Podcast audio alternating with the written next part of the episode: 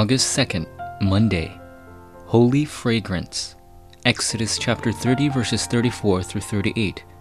Grind some of it to powder and place it in front of the testimony in the tent of meeting, where I will meet with you. It shall be most holy to you. As we live our lives, there are times when problems come to us, even though we do not want them to. This is what we call worries. Although it appears that there are many things to worry about, big and small, God said not to worry. Of course, there are very important prerequisites to this. Being a child of God means to not worry about anything. The word has been given to children of God, and the authority to pray has been given. We will receive the guidance of the Holy Spirit if we lay our worries before the Word and connect them with prayer. Number one, holy fragrance. The holy fragrance in the Bible is prayer. Knowing prayer is the greatest armor for the children of God. Before receiving answers, the most important thing is knowing what prayer is. Children of God have the right to receive prayer answers. There was the blood of the young lamb at the tabernacle of the Israelites for the sake of prayer answers. The lampstands and the holy fragrance continued to burn, and as the scripture reading states, they made a fragrance and placed it in front of the testimony in the tent of meeting. After Jesus Christ's ministry of salvation, it was acceptable not to do the works normally performed at tabernacles.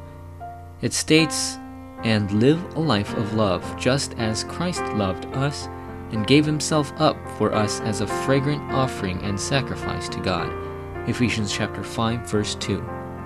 This is because Christ fulfilled the entire covenant as the fragrance-filled offering.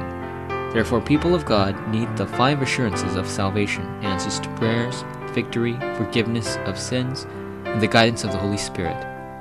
Number 2 the prayer of answers and healing. You must be able to learn deep prayer for the sake of the prayer that flows from the heart, the prayer of a broken spirit, the prayer that purges the toxins of the heart, and the sincere prayer that clothes you with power. The prayer of Hezekiah and the prayer of the seven remnants were like that. Try applying Philippians chapter 4 verses 4 through 7 to your prayers. First, rejoice in the Lord. Let your gentleness be evident to all. All you need to do is forgive them with the love of Christ. Do not be anxious about anything, but pray with thanksgiving. Then He will guard our minds and hearts. There are answers that come immediately, answers that come with the passage of time. And there are times when the very absence of answers is the answer. This is all the work of God's hands to give us something better. Forum topic is deep prayer happening for you in the field? Prayer is giving the fragrance of offering unto God, who knows when I sit and when I rise. At this time, try creating your prayer plan again.